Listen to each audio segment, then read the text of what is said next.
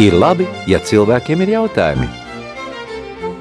Nav labi tad, ja nemeklējam atbildes. Meklē atbildes kopā ar priesteri valdi piekdienās astoņos vakarā.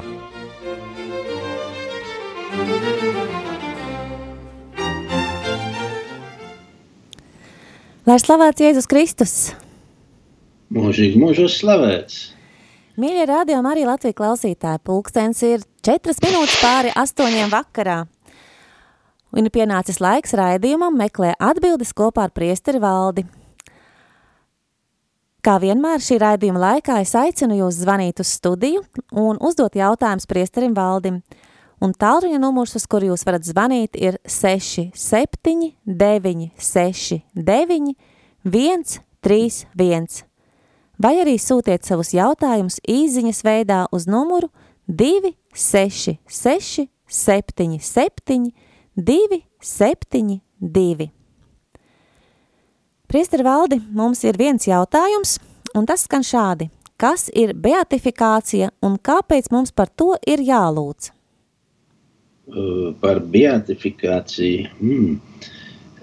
Vai mums ir jālūdz par beatifikāciju, vai mums ir jālūdzas personas eh, aizbildniecība debesīs, jo beatifikācija tas ir tāds starposms pirms kanonizācijas, kad dieva kalps, tas ir beatifikācijas svētīgais, mēs sakam, pirmais ir etaps, kad tiek atzīts kāds cilvēks par svētīgo, Eh, jo viņam ir bijuši ļoti nu, lieli tikumi par pārdabisku žēlastību, kaut kur saskatām. Ir arī kādreiz vajadzēja būt brīnumiem, pie, pie kanonizācijas vajadzēja būt brīnumiem, bet nu, tur bija jābūt īpašam cilvēkam ar īpašiem tikumiem, lai to cilvēku atzītu par svētīgu. Tā ir beatifikācija. Un pēc tam tālāk jau ir process par kanonizāciju, kad baznīca pasludina kādu mūžībā aizgājušo par svētu, kurš var aizbilst e, par nu, tiem, kas viņu lūdzas, lūdzas viņa aizbildniecību. Un e, beatifikācija ļauj jau godāt publiski kādu mūžībā aizgājušo, tāpat kā kanonizācija. Tas ir tāds nu, starpetaps pirms kanonizācijas. Es nezinu, vai ir, vai ir skaidrs, un, un kāpēc, kāpēc mēs teiksim, tagad ir uh, Sloskāna, Sloskāna process, bīskaps Sloskāna process ir, beatifikācijas process iet, viņš ļoti ilgi velkās. Un kāpēc jālūdzas? Mēs lūdzamies ar šī cilvēka aizbildniecību, nu, kaut kā saņemt kādas žēlastības. Un, ja tas notiek, un nav kaut kādu teiksim, naturāli, dabīgi vai, vai pierādām, zinātniski pierādām, medicīniski pierādām faktori, ka tur ir cilvēka iejaukšanās, ka tas ir noticis ne, nu, izskaidrojamā veidā. Tad tas nav brīnums, bet ja kaut kas ir noticis neizskaidrojamā veidā, to varam pieskaitīt pie brīnuma un nu, pārdabisks lieta, tad tas nozīmē, ka tas svētīgais jau uz viņu mēs esam ar viņu aizbildniecību esam lūgušies, uh, tad nu, viņš uh, ir tuvāk dievam. Tādā ziņā mēs viņu varam atzīt par, par dieva kalpu, jeb svētīgo. Tāpēc jālūdzas uz šiem cilvēkiem. Tāpat uh, bija arī, kad bija process, kanonizācija, kanonizācijas process uzsākts pāvestam Jānim Pāvilam II. Uh, Polijā īstenībā ir ļoti daudz tādu svētīgie kuriem nu, ir uzsākti šie procesi un ir tās lūkšanas. Un, ja kaut kas tiek saņemts ar šo lūkšanu palīdzību, neiejaucoties cilvēciskajam faktoram, tad nu, tas palīdz ātrāk šo procesu novest līdz galam. Tāpēc ir jālūdzas ļoti bieži. Nu, ja latviešiem ir in interese, kad uh, bīskaps Sloskans tiktu iecelts svētīgo kārtā, tad nu, vajag lūgties uz viņa aizbildniecību. Dažādās lietās, var notikt arī pārdabiski brīnumi, ja tas ir Dieva parāds. Jā, paldies. Man liekas, ka kļuva skaidrs. Nu, es ceru. klausītājiem, jā. Un pašā sākumā jūs sakat, zvaniet, uzdodiet jautājumus. Tas tā skan, nu, te var uzdodiet jautājumus. Tas ir pārbaudīt manas nezināšanas, vai tas ir cilvēkiem ir jautājumi, uz kuriem viņi grib rast atbildi. Ja? Tad, eh, tas ir raidījums domāts tieši cilvēkiem, ja viņiem ir kādi jautājumi, viņiem kaut kas nav skaidrs, mēs varam mēģināt rast atbildi. Es neesmu viszinošs, eh, bet nu, šādā veidā varbūt tiešām mēs kaut ko varam kaut ko atklāt, ko nebijām zinājuši līdz šim. Tieši tā, jā, mīļie klausītāji, tātad, ja jūs lasat svētos rakstus un jums rodas kādi jautājumi, tad šis raidījums ir tieši jums domāts, lai jūs varētu rast atbildes uz saviem jautājumiem. Tāpēc aicinu Zvaniet uz numuru 67 969 131 vai arī sūtiet īziņu uz numuru 266 77 272 vai arī sūtiet ēpastu uz studija at rml.lv.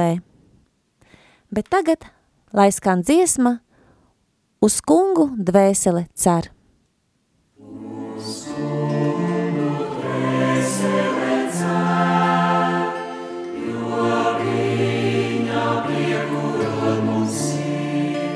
Es ceru uz to kungu ar visu savu dvēseli, uz tā kunga vārdu. Uz kungu dvēseli cer, jo viņa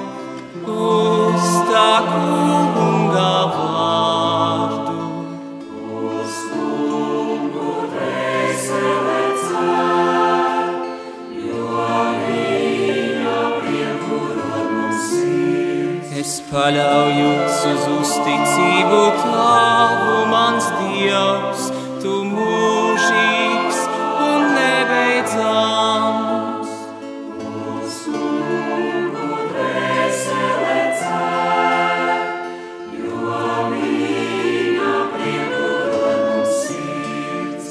Mani pasargā Dievs, mans patvērums esi tu.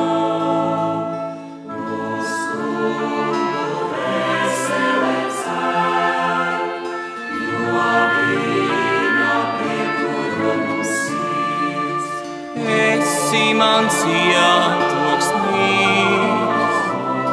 ar mīlestību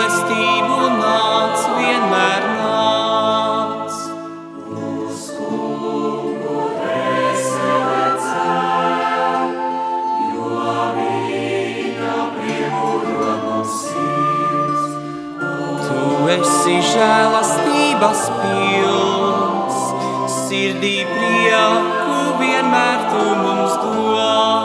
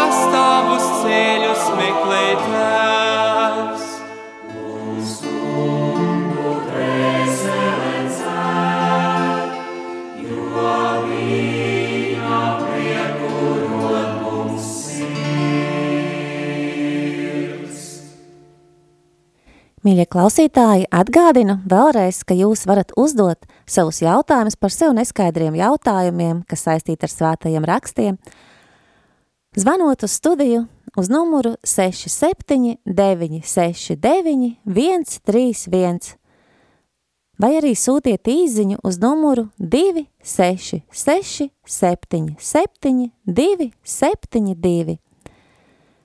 Un tagad skanēs dziesma Tava mīlestība. Música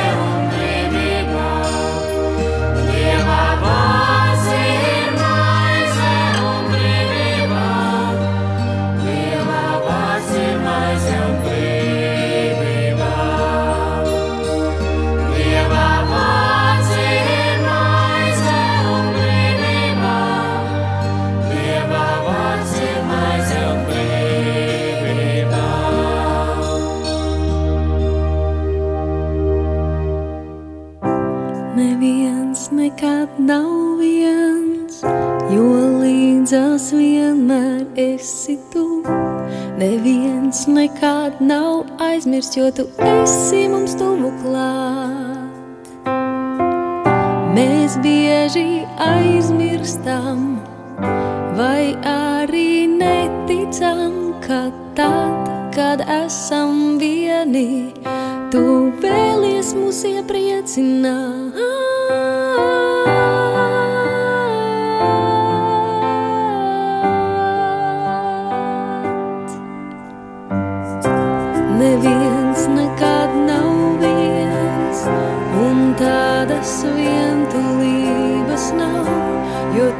Ik brīdi meklē sirdis tev atvērtās.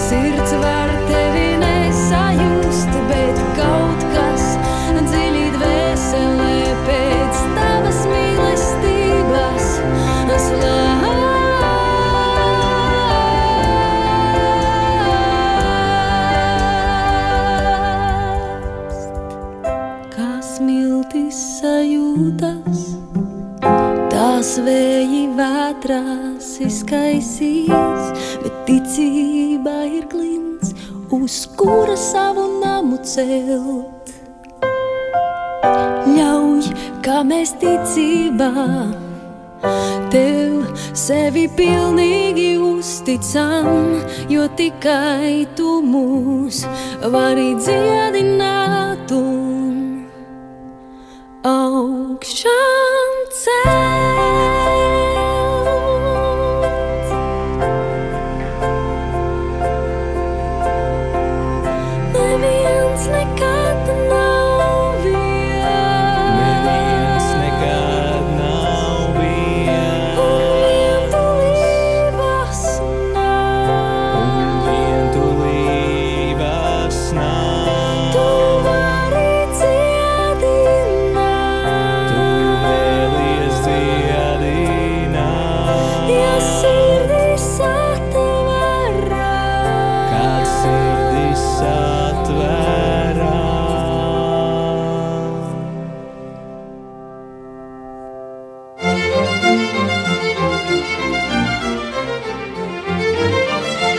labi, ja cilvēkiem ir jautājumi. Nav labi tad, ja nemeklējam atbildes. Meklē atbildes kopā ar priesteri valdi piekdienās astoņos vakarā.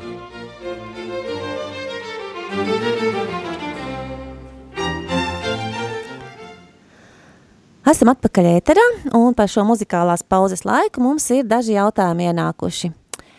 Tā, viens tātad klausītājs jautāja, ko darīt, ja pirms svētās komunijas sātans iedveš nešķīstus lamu vārdus, arī pēc grēksūdzes, vai drīkst pieņemt komuniju? Oi, e, pirmais jautājums, kā, kā mēs zinām, ka sātans tos iedveš? Bet, nu labi, e, dažreiz mums ir tādi, pat pēc grēksūdas, ir stiprāki kārdinājumi. Cilvēks ir attīrījies, ir nožēlojis grēkus, ir atgriezies pie Dieva. Tā vienotība, ar Dievu grēksūdas sakramentā tiek atjaunot. Un ko dara ļaunais? Viņš dara visu, kas iespējams, lai cilvēku no tās vienotības šķirt. Jo viņš neieredz cilvēku tīro dvēseles stāvokli, viņš neieredz cilvēku tuvību ar Dievu, viņš neieredz to, ka cilvēks varētu tikt pestīts. Viņš dara visu, lai to cilvēku dvēseli pēc iespējas ātrāk aptraipīt, atņemt viņam mieru, un tāpēc tie var būt tādi kārdinājumu. Tas nav, tas nav uh, tas pats, ka cilvēks gribētu tā, tādas domas, domāt, izteikt zāģis vai kaut ko uh, nu, izdarīt uzreiz ļaunu. Jo, ja cilvēks apzinās, ka viņš ir attīrīts, viņš negribēs to, to žēlastību uzreiz zaudēt. Tāpēc to mēs pieskaitām pie kārdinājumiem. Ja cilvēks tās domas atmet, pasakā, nē, tas nav mans, tam es nepiekrītu, atkāpties mierīgi, cilvēks var doties eh, pie, pie komunijas, jo kārdinājums nav tas pats, kas grēks. Vai kārdinājums tas nav, ka uh, nenozīmē uzreiz, ka kārdinājums ir pieņemts. Jēzus arī tika kārdināts, viņš tika kārdināts, izdara šito, izdara to, bet ko Jēzus saka? Jēzus vienkārši šo kārdinājumu uh, atvaira. Un tādā gadījumā cilvēks nav grēks stāvoklī, viņš vienkārši ir uzvarējis kādu kārdinājumu. Jā, paldies. Skaidra atbilde.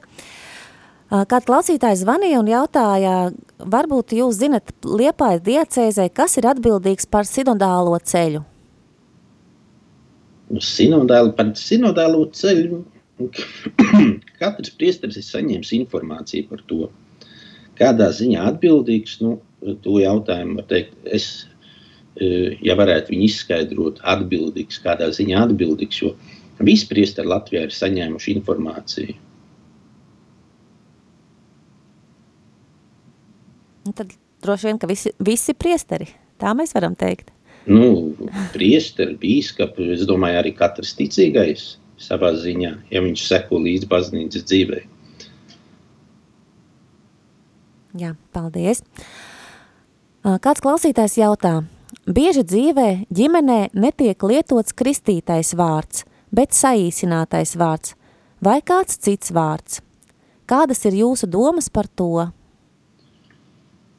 Kristītais vārds. Kristītais vārds ir, kad cilvēks nes tā svētā vārda, kas ir viņa aizbildnis debesīs. Ja ir saīsinājums, tā nav problēma.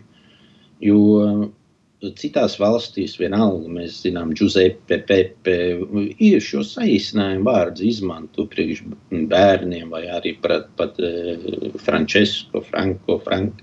Nu, ir. Saīsinājumi tas ir vienkārši nu, tas no tā paša vārda, tas ir cēlies no tā paša aizbildiņa vārda. Tas ir nu, pilnīgi normāli. Ja lieto citu vārdu, tad ir jādomā, kāpēc varbūt kāds ģimene negrib nepiekrīt tam kristāmajam vārdam, un viņš grib citu vārdu. Nu, var gadīties, ka vecāki nevar sadalīt, nevar vienoties par to, kāds būs bērnam vārds. Vienam patīk tāds, otram patīk cits. Nu, tas ir jau cits jautājums. Tur tas ir cits problēmas. Bet nu, par saīsinājumiem tas ir normāli. Es domāju, varbūt tas saistīts ar to, ka citreiz bērnam iedod to vārdu, kaut kādu modernu vārdu, un tādu vārdu nekrista, vai ne? Ne jau visus vārdus kristī. Kristī jau kristībā dot svēto vārdus. Īstenībā Latvijā tas ir tā jocīgi, bet kristīgās valstīs parasti bija tā, tas pats vārds, kas ir kristībā, tas tika dots arī, bet Latvijā Nu, es esmu sastapies visbiežāk ar to, ka kristāmais vārds ir viens, un, un, un, un, un dzimšanas apliecībā ir pavisam cits. Nu, jā, tas arī ir tas, ko es teicu. E, nu, tas, tas ir īstenībā e, tas, tas ir nekristiski. E, kristīt vienā vārdā un, un, un dot citu vārdu. Es domāju, ka e, kristībā vismaz Bībeles valodā, tad, kad cilvēkam deva vārdu, tam vārdam bija nozīme. Un tā, tā, un, un tas apzīmē arī cilvēku misiju. Katram vārdam ir nozīme. Tagad mūsdienās nu, dod tādus vārdus, kam nav nekā kopīga ar ticību, kam nav nekāda tāda kristīga nozīme. Galvenais, lai labi skan. Jā. Paldies, Priester Valdi. Šobrīd tā kā jautājumi vairāk nav, tad atkal dodamies muzikālā pauzē. un lai skan dziesma pateicība. Paldies,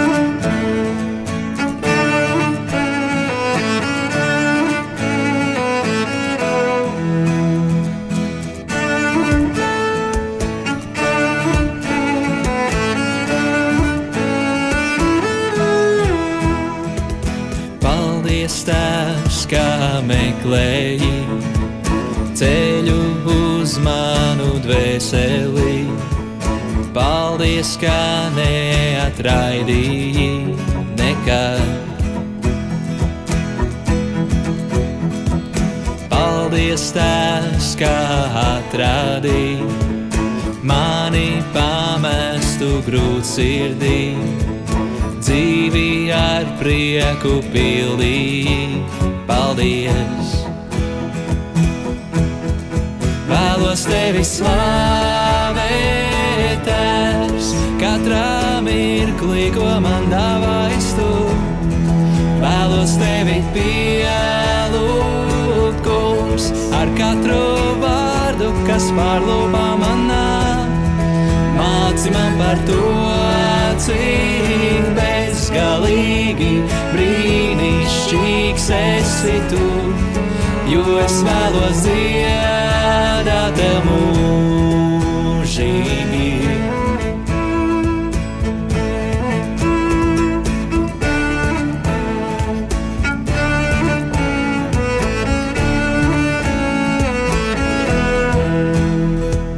Paldies, ka acis man atvēri, redzēt tevis radīto pasauli.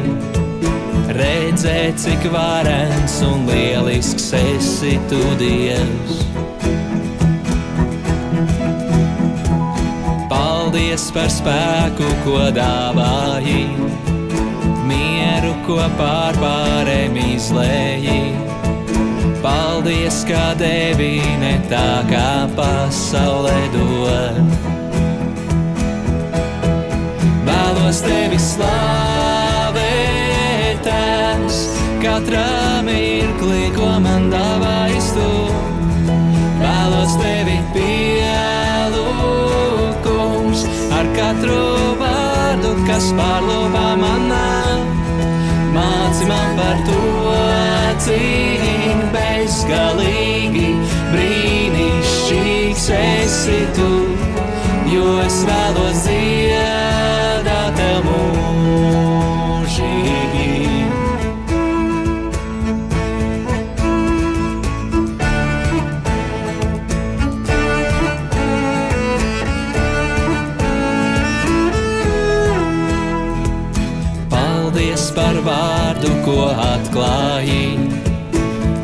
lūgšanu, ko uzklausīji, dāvanām, ar ko apbēri. Paldies! Paldies, Tēvs, par debesīm, kuras tuvu man pienesi. Turi sev klāt, līdz mēs vaigā tiksimies. Vēlos tevi slavēt, tēvs, katrā mirklī, ko man dāvājas tu. Vēlos tevi pielūgt, kungs, ar katru vārdu, kas pārlūpā manā. Māci man par to, cik bezgalīgi brīnišķīgs esi tu, jo es vēlos dziedāt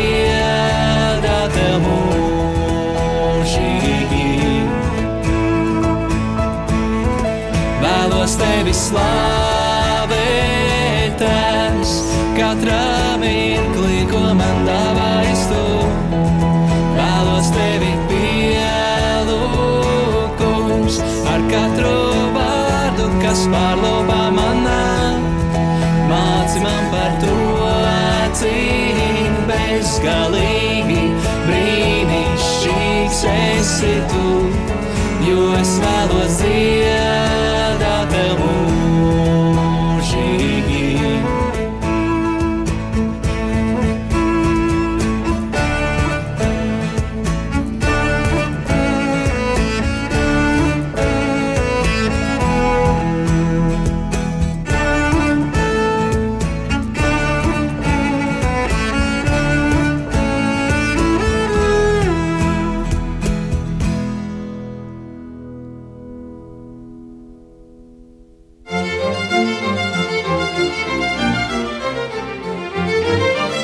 Ir labi, ja cilvēkiem ir jautājumi.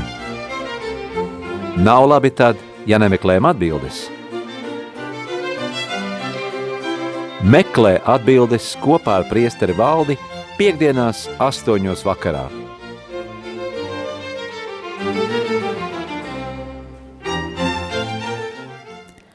Mums ir zvans studijā. Lūdzu, uzdodiet savu jautājumu.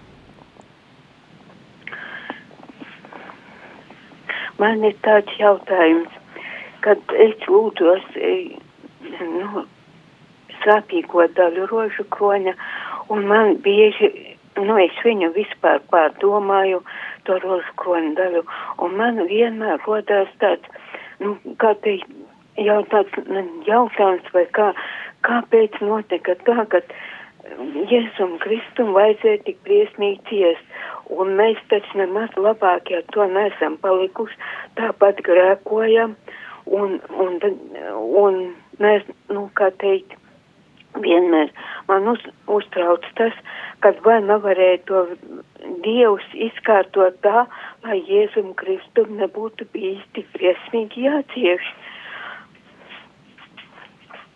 Paldies Vai tas nav, vai tas nav, un kad man uzmācās tādas domas, vai tas nav krāks, bet es no tās domas nevaru tikt vaļā. Man es tā kā, nu, tā kā būtu apvainotu, eh, nu, pašu Dievu, kad viņš tā kā, nu, nodarīja par savam dēlam Jēzu Kristum pārestības. Es sapratu, paldies par jautājumu. Labs jautājums. Ir eh, ne tikai klausītājai, es domāju, daudziem citiem. Mums šādi tad varēja kādreiz parādīties tāds jautājums, kāpēc Jēzum tā vajadzēja ciest, tik šausmīgi vajadzēja ciest. Bet, eh, lai parādītu Dievs, eh, Jēzus Kristus, lai parādītu savu maksimumu, mīlestības maksimumu, eh, viņš pieņēma tādas ciešanas, kādas eh, bija. Jo tas ir pats maksimums, cik cilvēks, cik mēs esam gatavi maksāt par, par kaut ko, par, par kādu tuvinieku glābšanu. Jā, vai, eh, tāpat tas arī eh, Svētais Pāvils, ja nemaldos, rakstīja kaut kur. Eh, Bija tas, ka par, par godīgu cilvēku var būt vēl kaut kāds cilvēks, varētu uzupurēties, ja, bet par grēcinieku. Un Jēzus parāda savu maksimumu mīlestības. Tas ir nu, pat, pats lielākais mīlestības mērs, kā atdot savu dzīvību. Ne tikai atdot savu dzīvību kaut kādā ātrā nāvē, bet mokpilnā nāvē. Un mums jāskatās uz šīm ciešanām, eh, skatoties uz krustu. Kāpēc eh, pagājušajā reizē bija tas jautājums, krusts izsaka visu? Tad īstenībā skatoties uz krustu, eh, parādās, mums ir jāsaskata Dieva mīlestība. Ko viņš, kādu cenu viņš ir gatavs maksāt par mūsu pestīšanu? Un, ja cilvēks neatgriežas, tas jau ir viņa problēmas. Viņš neredz to mīlestību. Varbūt viņš pat negrib redzēt to Dieva mīlestību. Un tādā gadījumā arī nekas nemainīsies. Tā cilvēka sirdī viņš negribēs atgriezties, viņš negribēs atkāpties no saviem grēkiem. Jo varbūt viņam tas arī viņam liekas, ka atgriezties viņam tas kaut ko maksā, bet viņš neredz, cik Dievs ir samaksājis.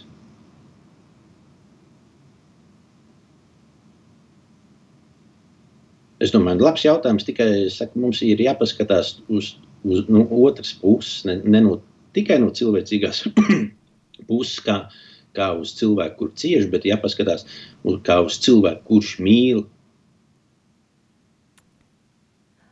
Mums ir vēl viens zvans studijā. Lūdzu, Lai slavēts Jēzus Kristus. Mūžīgi, mūžīgi slavēts.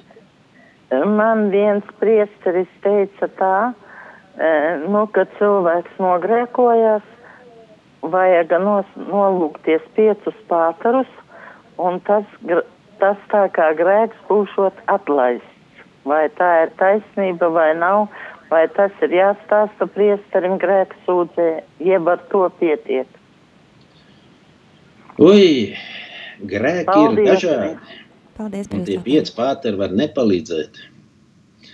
Un uh, tur var nepalīdzēt, es nezinu, tur var nepalīdzēt arī viss pārējās kaut kādas lūkšanas. Ja cilvēks neatgriežas, ja viņš nemainās, Viņam eh, tas grēks tiek piedots, nu, labi, piecas pāters var iedot cilvēkam par kaut kādu grēku, nu, ka viņš nožēlo, ja priesteris jūt, kad nožēlo, var nu, uzdot kaut kādu tādu nu, adekvātu gandarījumu. Pieci pāters vai seši kādreiz stāstīja par uh, lūgties, seši pāters lūgties par to, kad cilvēks bija piekdienā ēdis gaļu.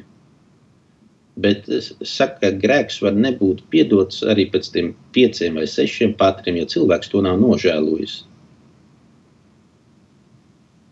Par smagākiem grēkiem noteikti arī, es domāju, liek lielāks gandarījums, varbūt kādreiz krustceļš, varbūt kaut kāda rožu krona, žēlsirdības kronīca, varbūt kāda lasīšana no svētajiem rakstiem, žēlsirdības darba, gābēns, viss kaut kas var būt.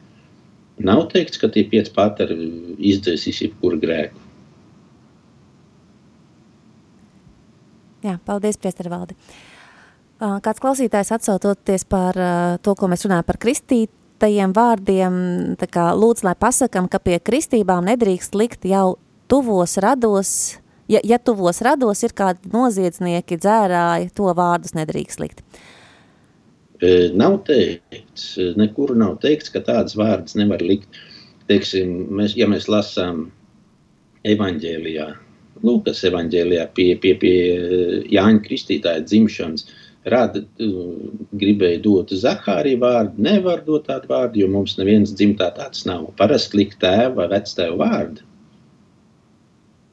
Tās raksturīgās īpašības, ka kāds ir noziedznieks vai kāds ir atkarībnieks, nav teikts.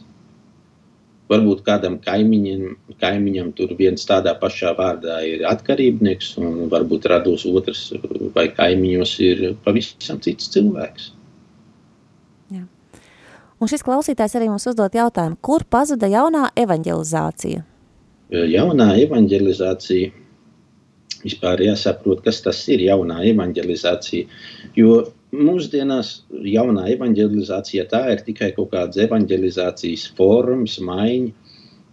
Tas nelīdzēs. Tagad mums ir sācies neopagānisms. Mums vienkārši cilvēks vajag reevanģelizēt un darīt to, kas evanģēlijā ir rakstīts. Reevanģelizēt, evanģelizēt pa jaunu tos pašus cilvēkus. Kaut kādas formas, pielaidīgākas, sabiedrībai nepalīdzēs, mēs, mēs to. Mums ir nu, jāevanģelizē. Nekāda jauna evanģelizācija, es nezinu, vai evanģēlijas pats par sevi tā ir labā vēsts, vai tad vēl ir kāda cita labā vēsts, kas var būt labāk par evanģēliju. Jā, paldies. Mums ir arī zvanītājs studijā, lūdzu. Lai slavēts Jēzus Kristus. Mūžīgi mūžos slavēts.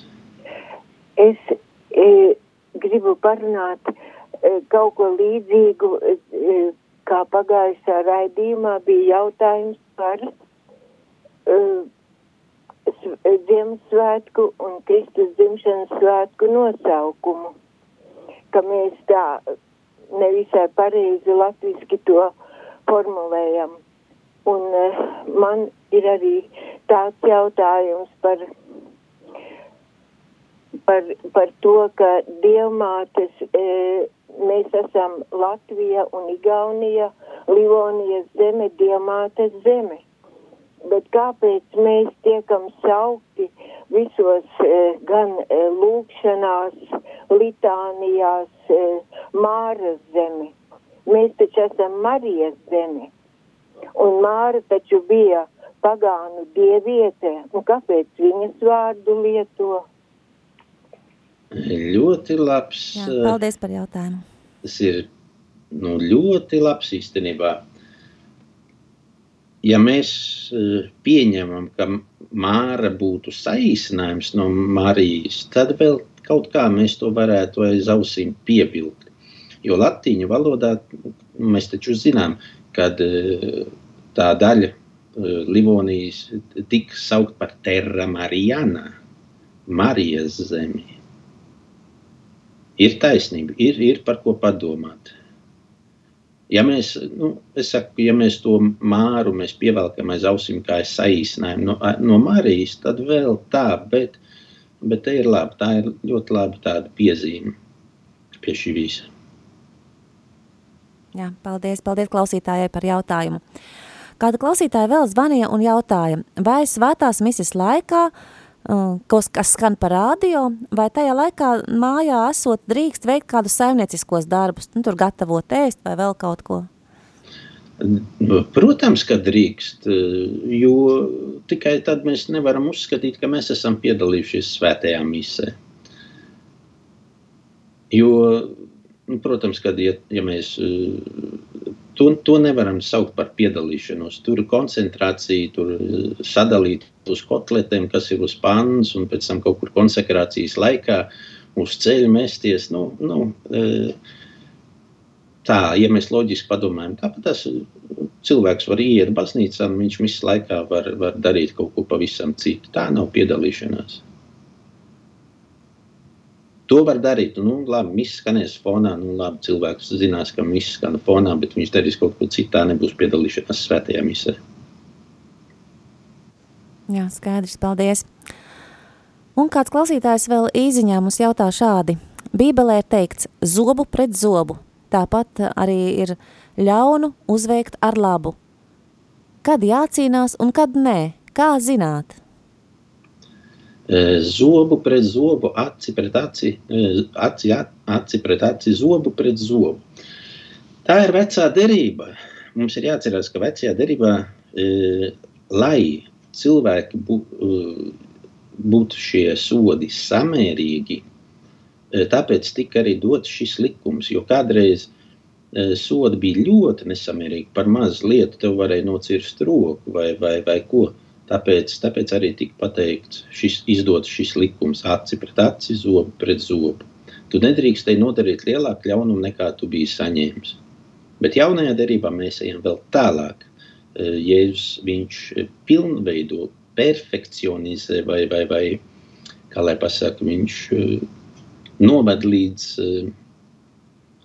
ideālam to, kas ir jaunajā derībā likums.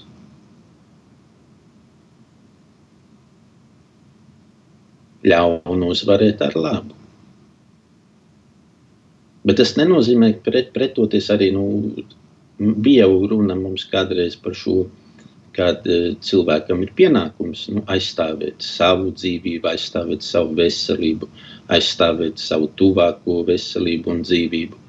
Tas ir pienākums. Tas ir no morālās puses akvīns toms, taču arī par to raksts ir viduslaikos zemi ir pienākums aizstāvēt no teiksim, uzbrucēju. Kāpēc ir morālā teoloģijā ir atšķirība starp defensīvo karu un ofensīvo karu? Ofensīvais karš nekad nebūs taisnīgs, defensīvais karš e, ir taisnīgs. Tas ir, kad cilvēks aizstāv savu zemi. Te nevar tā mēs ieaicinām savus ienaidniekus, nu, dariet, ko gribiet. Nē.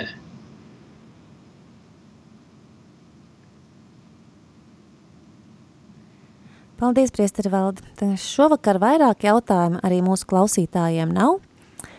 Mīļie klausītāji, aicinu jūs nedēļas laikā jau gatavot šos jautājumus, lai mums piekdienā sanāk saturīgs raidījums. Un tiksimies nākam piekdiena. Bet šovakar mēs no jums atvadāmies. Ar jums kopā biju es Rita. Un priesteris Valdis. Lai visiem svētīgs šis vakars, svētīgas brīvdienas, lai Dievs stiprina visiem veselību un izturību šajā laikā. Paldies, ka esat kopā ar Radio Marija Latvija.